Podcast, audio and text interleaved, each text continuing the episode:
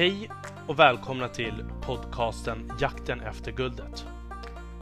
Denna podcast får ni följa mig, Armond Faltin, i min resa att hitta nya drivna vänner i jakten efter guldet. I denna jakt söker jag kunskap, nätverk och relationer. Jag kommer även dela med mig om mina egna tankar kring resan och ta upp aktuella ämnen som dyker upp på vägen. Häng med! Ingenting är omöjligt.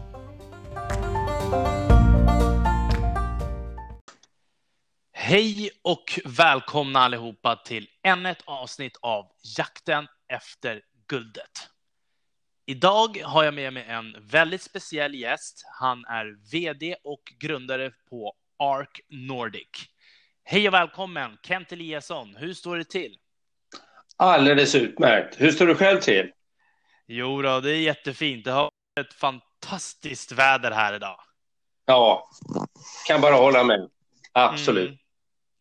Du, det är så här att jag har ju lagt upp det här programmet i ett x antal frågor.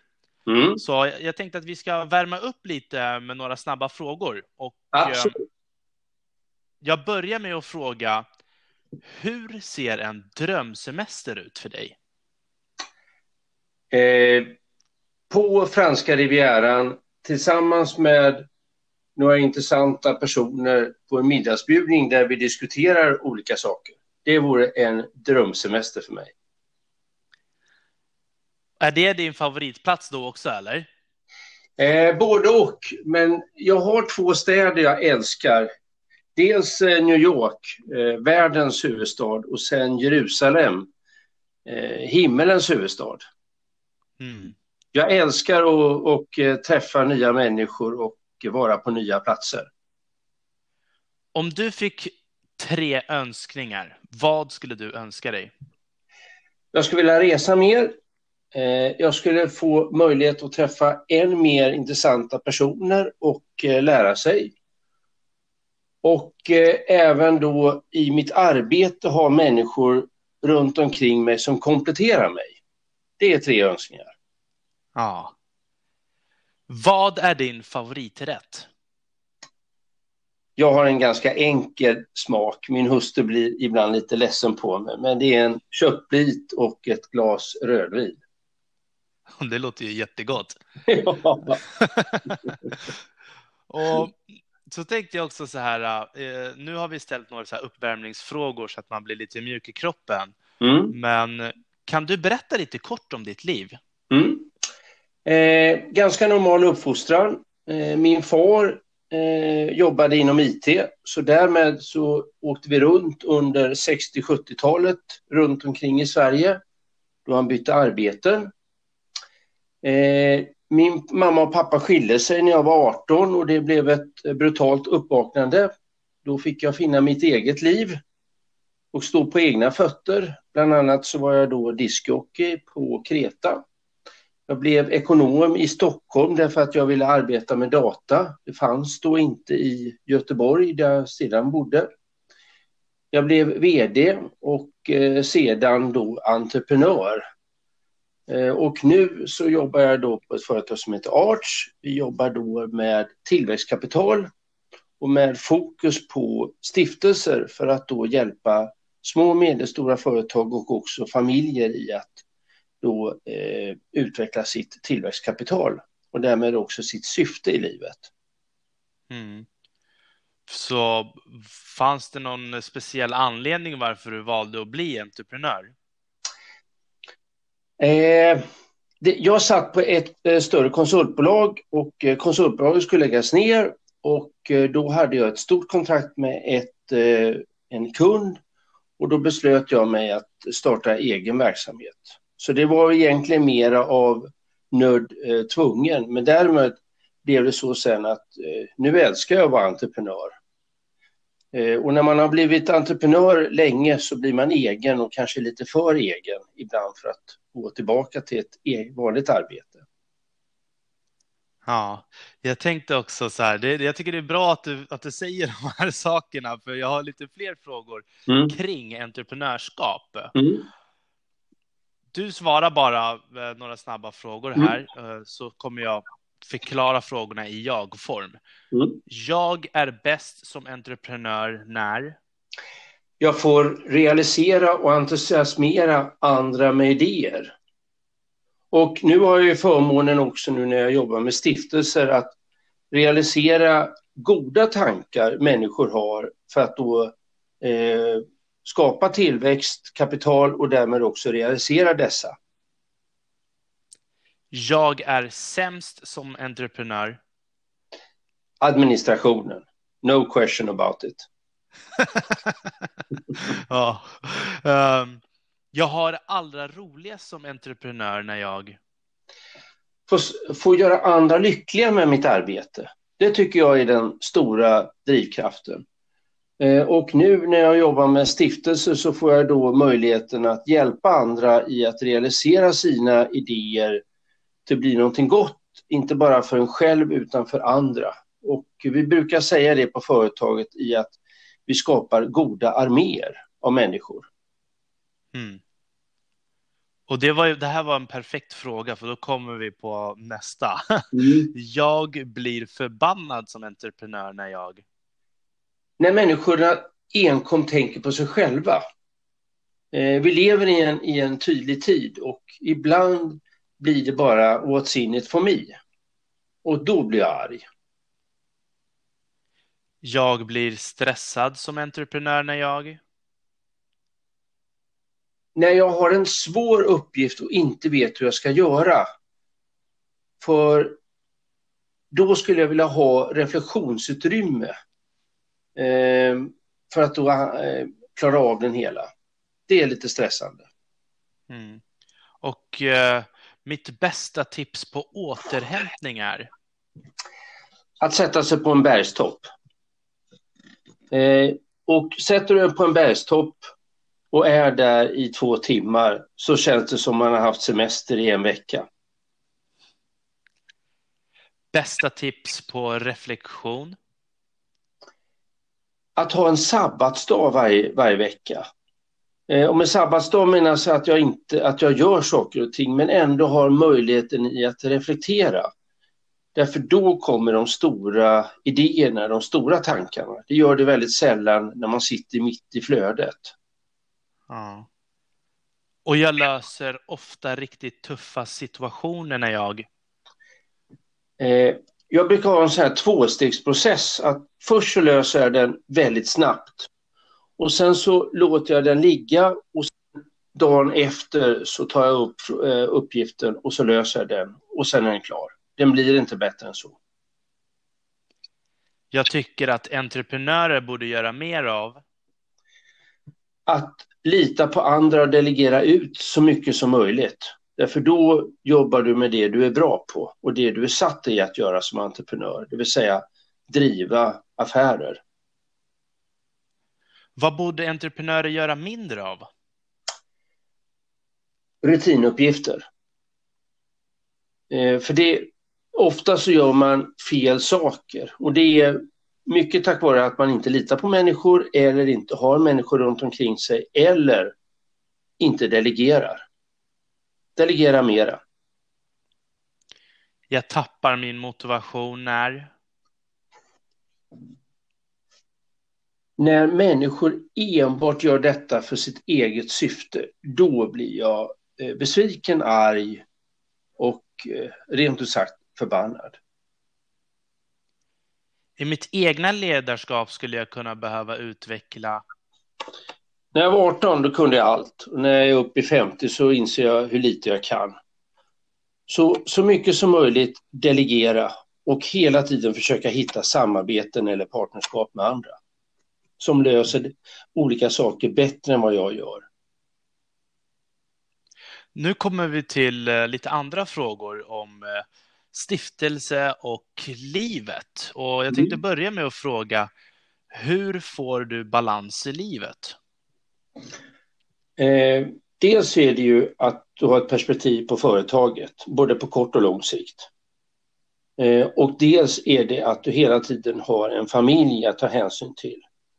Och eh, som entreprenör och, och pappa och man så vill du lyckas i båda ändarna. Det är för mig en, en balans i livet. Vad är en stiftelse? Det finns flera olika stiftelser. Eh, det finns pensionsstiftelser, avkastningsstiftelser. Men det vi arbetar med eh, på Arts är insamlingsstiftelser. Och i Sverige är detta unikt. Det finns ingen annanstans i världen. Och när du ska sätta upp en stiftelse något annat land så behöver du kapital. Men i Sverige så kan du sätta upp en insamlingsstiftelse utan kapital. Den insamlingsstiftelsen kan då sättas upp av ett svenskt eller ett internationellt bolag och komma åt det stiftelsekapital som finns i Sverige, Norden, Europa och globalt. Och det här är unikt för Sverige. Det finns ingen annanstans. Och i en sån här tid som denna, när börsen är neråt, när investerare har det svårt, så lyser stiftelsekapitalet och då att sätta upp en insamlingsstiftelse för en person eller för ett företag, den lyser verkligen. Och det ser vi mm. också i eh, marknadsföringen och eh, avslutet på affärer. Och det är fantastiskt roligt för det kan vara allt ifrån forskning och utveckling, entreprenörskap, eh, miljö, hållbarhet, eh, utbildning, you name it. Och det är det som är så roligt, att du får vara till hjälp eh, både för företag och för individer i att göra någonting gott här i tillvaron. Det vill säga skapa goda arméer. Mm. Har ni några uh, specifika områden som ni själva just söker er till uh, utöver ifall andra kanske söker till er? Vad är det ni absolut mest vill hjälpa till med? Ja, jag skulle nog vilja säga frågan att vad människorna vill hjälpa till med. Eh, hälso och sjukvård, miljö, hållbarhet, utbildning, jämställdhet, entreprenörskap, innovationer. Och ju mer vi håller på, ju, ju bredare blir området. Och det är så spännande dag efter dag i att få höra människor som har så mycket idéer och också få vara med i att realisera och kanalisera då eh, resurser till de här idéerna via stiftelserna. Mm. Vad, har du några tips på vad man ska tänka på innan man startar en stiftelse? Mm. Dels är det ju att, att man får skilja på eh, företagsvärlden som där man pratar om omsättning, lönsamhet, avkastning, likviditet. Eh, I den stiftelsevärlden så pratar man mer om ett högre syfte, det vill säga vad är det du vill göra med din företag? Är det att främja unga entreprenörer? Är det att eh, skapa en eh, klimatsmartare värld? Är det att eh, ta bort plast ifrån, eh, från all utomhusreklam? Det andra är ju eh, tidsperspektivet. Eh, Stiftels... Eh, företagen jobbar ganska kort och tydligt medan stiftelserna jobbar långsiktigt. Så stiftelsekapitalet är en långsiktig placering och investering för att då få kapital i detta. Vi har ju pratat lite tidigare också uh, kring stiftelser och då frågade, då var det någonting som du sa att man måste göra sig av med pengarna i en stiftelse. Annars... Jo. Stiftelsens enda konstruktion det är egentligen att dela ut medel. Det låter märkligt men så är det. Och eh, i Sverige, om du inte delar ut det så går det till beskattning. Och förra året, 2019, gick 8 miljarder kronor i Sverige från svenska stiftelser till beskattning. Och det är egentligen det överskottet som vi tittar på och vill försöka få ner i syfte att göra någonting gott. Istället för att då eh, skicka det till eh, statskassan. Ja, det låter helt fantastiskt. Mm. Verkligen ett roligt och... Hur ser ett team ut? Teamet är, eh, det är jag, Eh, och jag kan man ju säga att är, är vd och konceptmakare. Det guld som vi då har är ju då insamlingsstiftelse och det är ju nu min partner eh, Martin Johansson som har jobbat med det här i 12 år. Så mitt, mitt arbete det är ju att eh, få hans tankar och idéer i dator och i huvudet ner digitalt så att det kommer så många som möjligt till godo. Mm. Och sen har vi två projektledare, en för Sverige, hon heter Erika och jobbar då med de svenska stiftelserna och en som heter Snea och som är från Indien och hon jobbar med våra internationella stiftelser. Så vi är fyra stycken. Mm. Men runt omkring oss så är ju då väldigt mycket partners. Så vår huvuduppgift är att fokusera på detta, göra detta så, så bra som möjligt och tillsammans med andra skapa ett antal andra lösningar eh, för våra kunder. Om det då är lån, investerare eller eh, allehanda konsultaktiviteter. Eh, ja. Det är så här att eftersom vi har haft ett samtal tidigare så sitter jag och tänker på uh, alla tidigare saker som vi har mm. pratat om och någonting som jag tyckte var väldigt spännande som vi inte hann få med här nu, varför jag ställde frågorna kanske lite för snabbt. Absolut.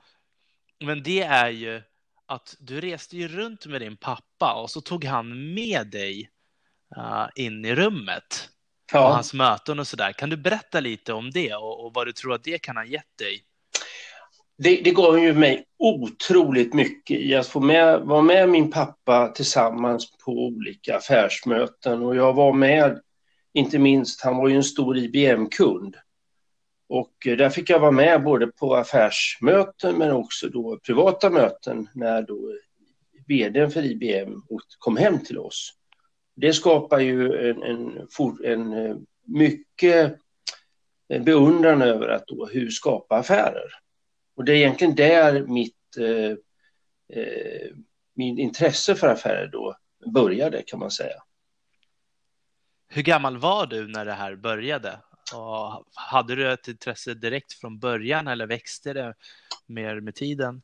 Eh, jag skulle vilja säga att det, det kom i, eh, från 15 år upp till 20 år skulle jag vilja säga.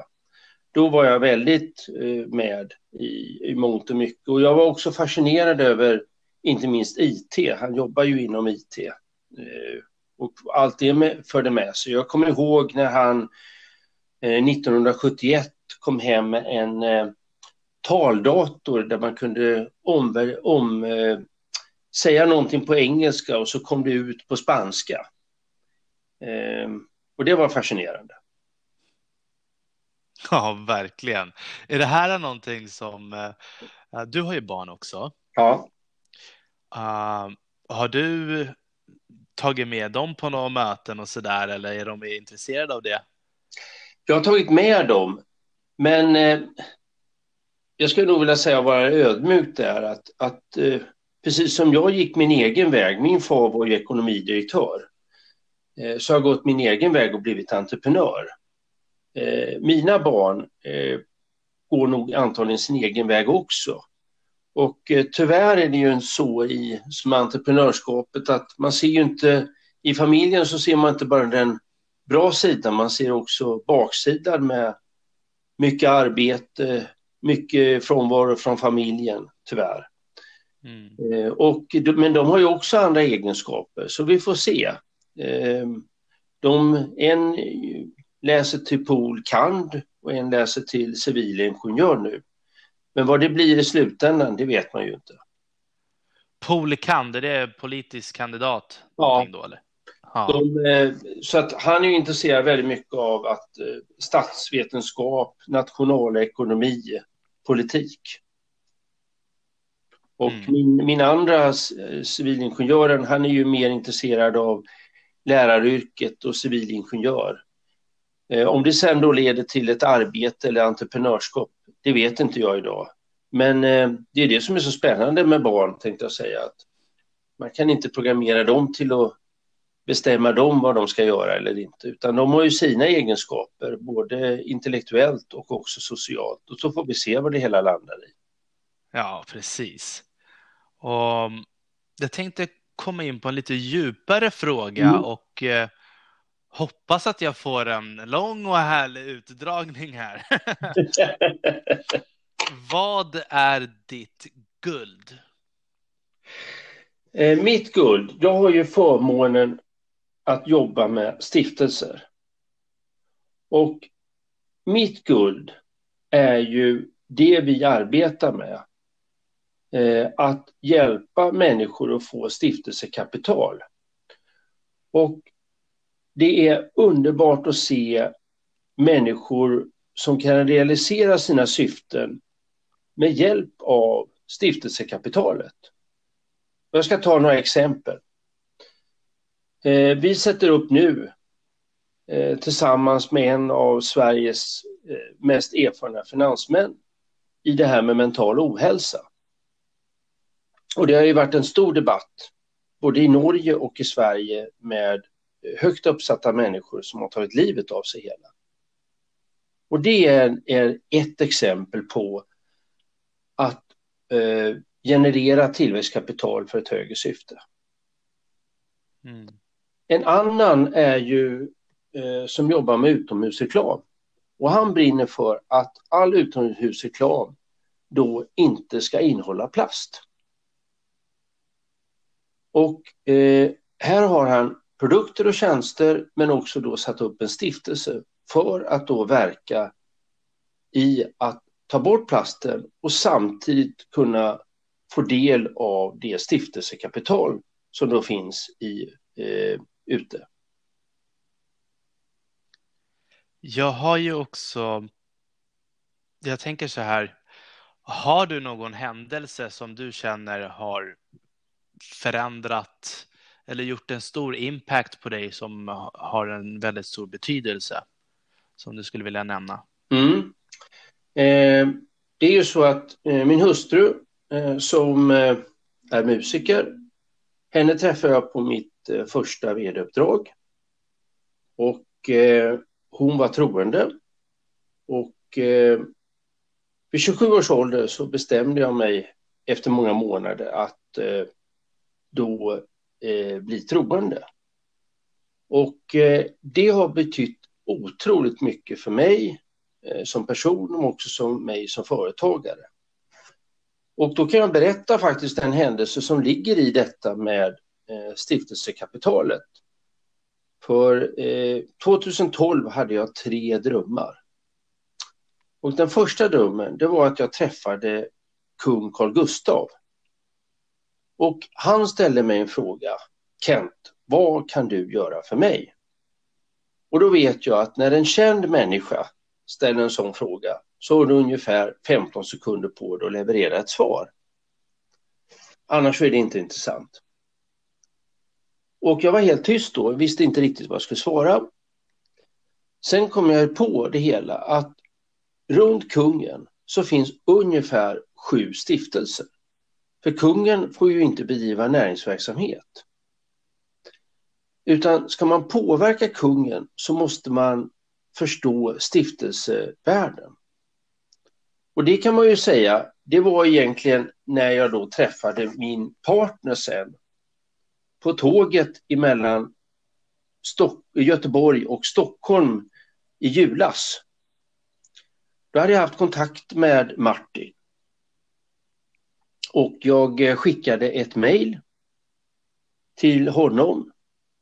Och jag brukar alltid vara personlig i att eh, eh, när jag är ute och reser. Så jag skrev eh, på tåget mellan Göteborg och Stockholm och får till svar några sekunder senare, men jag är på samma tåg. Och eh, då sa jag till honom att kom över till restaurangvagnen. Och sen pratade vi och sen när vi var framme i Stockholm, då hade vi slagit våra påsar tillsammans. Så det är sannhistorien. Både mm. att du får inte tro den här uppenbarelsen och sen också eh, tågresan tillsammans med Martin där vi då beslutade att sätta igång företaget tillsammans. Ja, det är en fantastisk historia. Ja. Och jag har ju, eftersom vi pratat tidigare så vet jag lite mer också. Mm. Uh, angående, du nu brukar gå på frukostmöten va? Ja, jag har eh, frukostbön. Mm. Kan du berätta lite om det? Ja, utan eh, det är ju så att, att det är också en tanke för reflektion. Utan varje vecka, fredag och måndag, så har vi bön, numera då på Zoom, i och med att det är coronatider. Så på fredagarna så har jag bön på eh, svenska och på måndag så har jag bön på engelska. Och det har också betytt väldigt mycket därför att då startar jag veckan på rätt sätt och sen så avslutar jag veckan på rätt sätt. Mm. Är det andra eh, entreprenörer med i den gruppen eller är det blandat? Det är mestadels andra entreprenörer. Men man kan också säga så här att det är människor med drivkraft. Och ibland är det entreprenörer, ibland är det intraprenörer, ibland kan det vara drivna lärare, politiker, unga, gamla. Men en sak kännetecknar det är drivkraften. Mm. Och det, när man tänker så här, entreprenörer, lärare och politiker, det verkar vara en väldigt så här, sammansvetsad, driven, drivet gäng så att säga. Får ni någon hjälp ifrån varandra utöver? Brukar ni hjälpas åt vid sidan om och, och, och så där? Absolut. Och som jag sa, eh, när man var 18 då kunde man allt. Då är man ju hopplös att ha att göra med. Men, men när man är 50 så inser man vad man kan och inte kan. Och ska man realisera sina mål så gäller det hela tiden i att se och vara ödmjuk i vad kan jag bli för bättre på? Och vad kan andra hjälpa mig med? Men också att finna sanna partnerskap. Och med sant partnerskap så menar jag hela tiden vad jag kan hjälpa en annan person med och vad en annan person kan hjälpa mig med. Då blir det ju otroligt fruktbärande. Mm. Och jag tycker att det är eh, i samband med det här företagsskiftet, företag, förut så sålde jag alltid mig själv. Och egentligen, det enda jag gör nu på dagarna är att sälja andra. Och det är så mycket roligare. Ja, det kan jag verkligen tänka mig vilken. Det måste ju vara mycket mer givande och enklare också dessutom. Ja, och det, det, det blir så... Eh, nu när jag har en väldigt tydlig produkt i botten och många är intresserade av den så löser sig det mesta själv. Utan min uppgift är hela tiden egentligen att sitta antingen i telefon som jag gör nu med dig Armand eller på videomöten eh, i samband med coronatiden. Mm. Så det är, jag upplever det här är helt fantastiskt. Vad tycker du symboliserar den tiden som vi lever i just nu? Jag tror att det här är verkligen en markering när vi går över helt och fullt ifrån industrisamhället in till det digitala samhället. Och jag tycker att det är tre saker. Det som kan digitaliseras blir digitaliserat. Vi pratar om AI, machine learning, plattformar, you name it. Den andra det är ju att vi behöver vara väldigt anpassningsbara.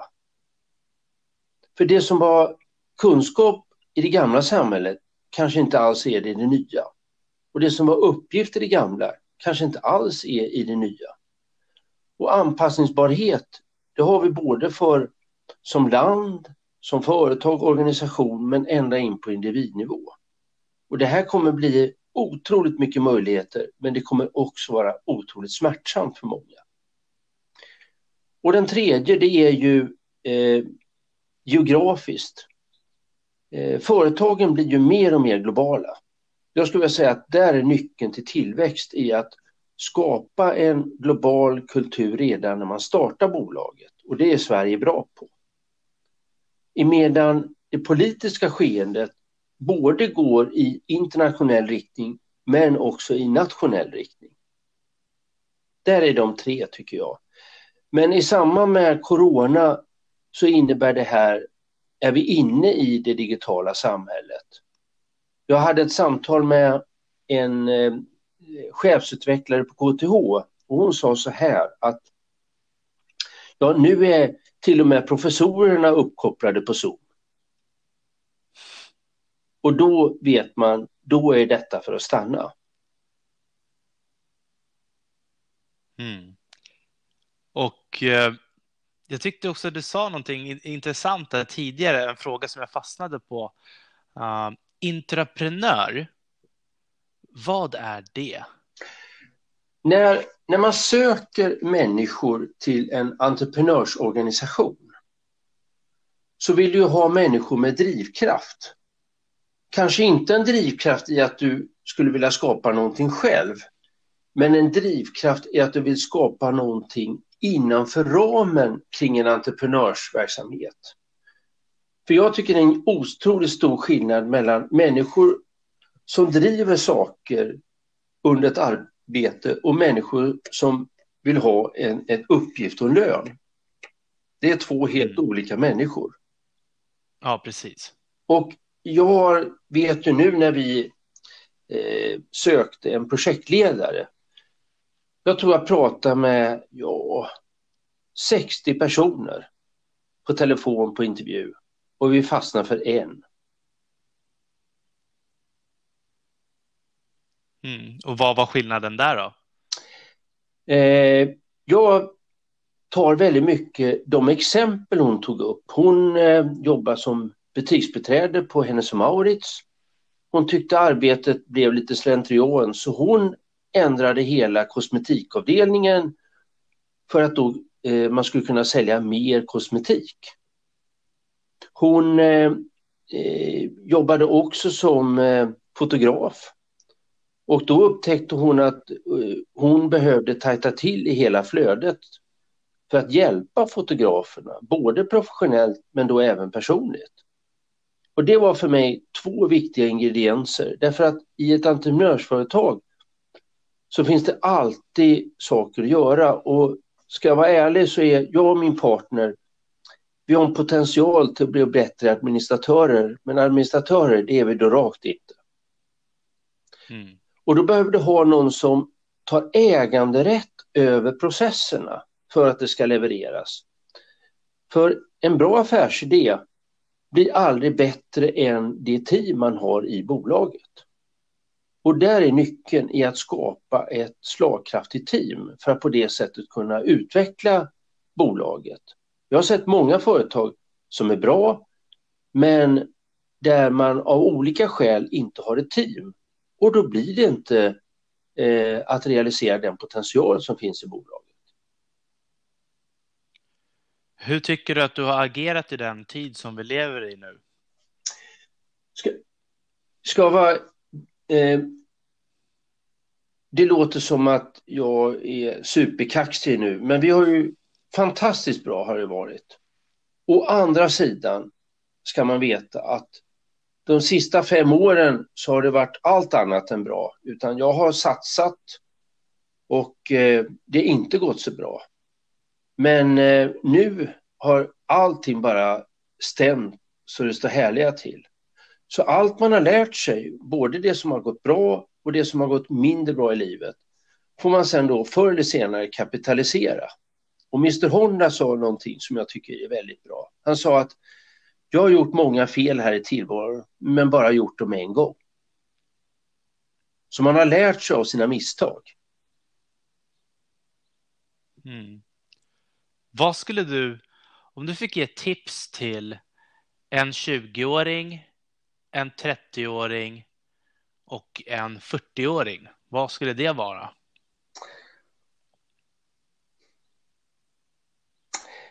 Jag tror att omge sig med rätt människor, oavsett om du är 20, 30 eller 40. För erfarenheten är ju lite olika. Och då inte att omge sig med vänner utan omge sig med riktiga, skickliga, kunniga, kompetenta personer. Styrelse, partners, organisation, eh, you name it. Där ligger det. Ofta har entreprenörerna otroligt bra idéer. Men det man behöver det är bra team och sen också en tanke i att hur generera tillväxtkapital till den här idén. Hur viktig är eh, mångfald och livserfarenhet i, i det här? Väldigt viktig. Om vi ser på vår tid. Jag menar, jag har varit entreprenör i 25 år. Eh, min partner har varit entreprenör i tre år, har en finansiell bakgrund, jag har en affärsmässig bakgrund. Eh, Snea är ju då hemmavarande från Indien, eh, har en kompetens inom IT. Duktig inom sociala medier, är den som då gör våra, alla våra kampanjer. Erika eh, jobbar ju mycket nu med att få upp plattformen. Så att alla behövs i detta. Ung, gammal, eh, född i Sverige, född utomlands, man, kvinna. Väldigt mång, mångfald. Därför det skapar, det är den svenska modellen, just detta med team. Och jag skulle vilja säga, med det ledarskap som Sverige har, det vill säga att vi vill få ut det mesta möjliga av alla, är, där har vi vår styrka i Sverige. Detta med team. Vi ska kämpa mot amerikaner, indier, kineser och de är ju hur många som helst. Och teamet, det är nyckeln till framgång. Ja, jag håller verkligen helt och hållet med. Vi har så himla många fantastiska svenska bolag som har satt Sverige på kartan och vi har ju bara 10 miljoner invånare mm. men ändå är så framstående i så många saker. Så att eh, jag brukar också alltid skryta om Sverige och uh, tycker att vi har en riktigt interna internationell touch då att vi känner till alla kulturer, uh, vare sig om vi har det i vår umgängeskrets eller inte, så kan vi väldigt mycket om varandra och har en öppen attityd. Och vi har också en stark finansiell marknad. Vi har många miljardärer för vårt numerär vi har en stark stiftelsemarknad, vi har en stark börs eh, och vi har många investerare. Så att tillsammans med team och den finansiella marknaden och det här perspektivet med att vi tänker globalt. Vi är ju ett, trots allt ett litet exportland.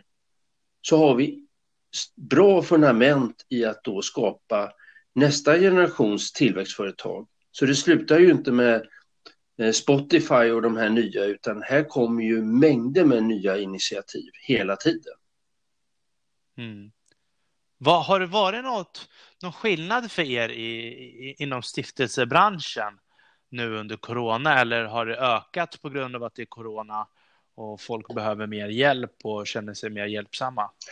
Eh, jag skulle säga att det har ökat. Därför att det är, börsen är låg, Eh, investerarna har problem eh, och eh, det finns inte så mycket eh, att tillgå. Det finns ju lån, men man kan ju ta lån upp till en viss nivå. Det finns bidrag, men det kan man också ta upp till en viss nivå. Eh, så att jag kan ta ett exempel för att göra det konkret. Det är ett, ett norskt, de är tre stycken. De tittar på olika finansiella alternativ. Och de fastnade för att bygga upp eh, sitt tillväxtkapital via en stiftelse. De ska göra, vad de ska göra är att de ska sätta upp en skola på Filippinerna, utbilda eh, företrädesvis då kvinnor eh, till sjuksköterskor. Lära dem antingen då svenska, danska eller norska. Så när de är klara med sina studier på Filippinerna så är de redo direkt att gå in i antingen den svenska, danska eller norska sjukvården. Och det tycker jag är fantastiskt att få vara med om. Ja, verkligen. Jag har ju vänner i Thailand som har tagit in, eh, adopterat barn som har mm. bott på gatan och eh, gett dem flera språk. Och, och jag, det är helt fantastiskt hur du bara kan höja inkomsten och förändra så fort de går in på svenska marknaden eller kinesiska hade de lärt sig också och, och, engelska. Då kan man ju höja inkomsterna och verkligen skapa skillnad och göra skillnad för de familjerna. Ja, och samtidigt så hjälper vi vår välfärd här med att då bemanna eh, sjukvårdssektorn eh, med, med människor där det egentligen idag saknas kunskap och kompetens, inte minst nu i samband med corona. Så att vi, det blir hjälp till självhjälp i väldigt mycket hög grad här. Mm. Det är ju det, det, är det som är det nya. Man vill ju uh, träna upp så att man inte bara kastar pengar rakt ner i ett hål utan träna upp så att de kan skapa en framtid för sig själva. Ja, och det här blir ju rejäl biståndspolitik skulle jag nog vilja säga. Så att de medlen som sen filippinskorna då har, de har ju en sån hjärta för att då skicka tillbaka medel till Filippinerna, till sina familjer. Och då ökar ju också eh, förmågan i Filippinerna att då skapa eh, utveckling för familjerna och för landet. Mm. Och det, det är ju mycket bättre att satsa på entreprenörskap än att satsa på ulandsbistånd i det här fallet. Hur, se, hur ser det ut när man eh, investerar eller när man skänker pengar till no, någonting som är utanför Sverige och stiftelsen är registrerad i Sverige? Är det, nå, mm. är det en komplicerad process och sådär? Nej, eller? Utan det är så att när du sätter upp stiftelsen i Sverige så, så blir den direkt en internationell stiftelse. Så en stiftelse har alltså andra regler? Ja, så att stiftelsevärlden är, är sin egen värld i jämförelse med företagsvärlden. Och det är, det är väldigt få som kan detta och det är där, eh, för att då få det här guldet realiserat till andra så är det då min partner som då har jobbat med det här i 12 år. Han kan detta och han är en av de få som förstår i stiftelsevärlden och företagsvärlden. Mm. Ja, det är helt fantastiskt. Ja. Alltså, så att om jag har förstått det rätt, om ett företag uh, eller organisation vill ha kapital för forskning och utveckling eller att de kanske har pengar och vill göra någonting gott, då startar man en stiftelse som hela tiden kan generera till det området där man vill eh, skänka pengar. Och då tar man i kontakt med er då? Ja, och i anslutning till att man får det, så får man ju själv möjlighet att få ta del av de medel som då skapas i den här stiftelsen.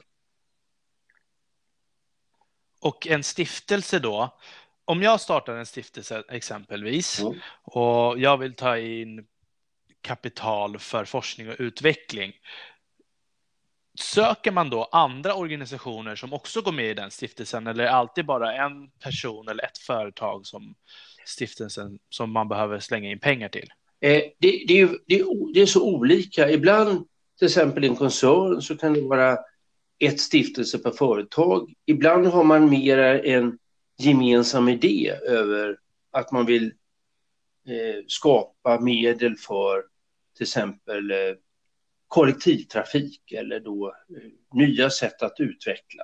Så det beror väldigt mycket på vem det är som ställer frågan. Okay.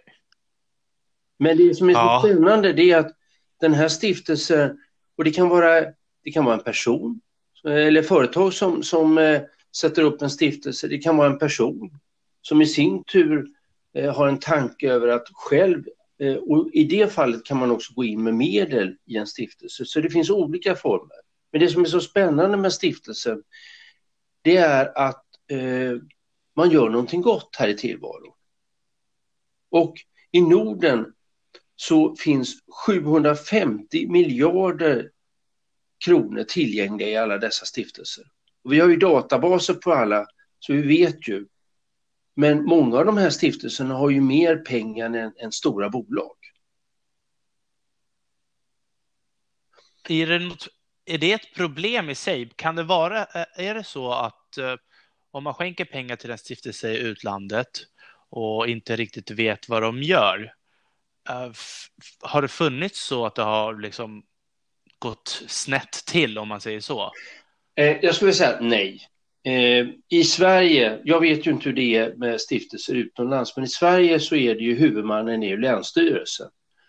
Och Länsstyrelsen eh, är väldigt duktiga på att eh, eh, se över stiftelserna. Eh, dessutom, det, det är en enda sak man får göra när man söker, när man sätter upp en stiftelse, det är att man de människorna som sitter i bolagsstyrelser får, man, får inte vara samma personer som sitter i stiftelsen, därför då har man jäv. Sen är vi väldigt noga med att ta in rätt typer av människor. Det får inte vara människor som har eh, ekonomiska oegentligheter. Eh, vi säger nej till människor om det bara är att de vill eh, söka pengar i stiftelsen och inte förstår i att göra ett högre syfte med verksamheten. Så vi har också ett ansvar i att ta in rätt människor i detta att eh, etablera stiftelsen. Annars så blir man som katt bland hermelinerna.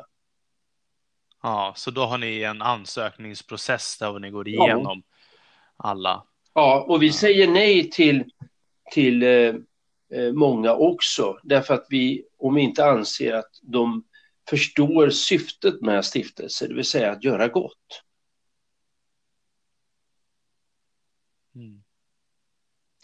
Ja, jag tycker det här har varit ett otroligt lärorikt samtal, Kent. Och eh, jag tror att det här får vara allt för idag. Och jag hoppas verkligen att vi kommer att fortsätta prata. Det tror jag absolut att vi kommer göra.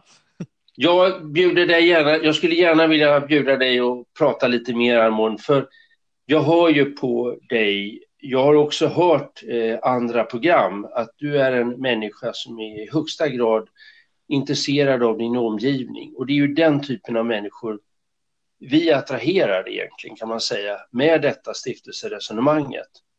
Och mm. det är ju så roligt att få vara en katalysator i en tid som denna där det finns mycket idéer eh, men där man behöver ett, ett, långsiktigt kapital i att realisera de tankar och idéer man har. Så det här var en ynnest för mig att få bli intervjuad av dig Armand. Fantastiskt bra. Stort tack att du valde att vara med och eh, till er andra där ute. Jakten efter guldet mina vänner. Vi hörs igen nästa vecka med vänliga hälsningar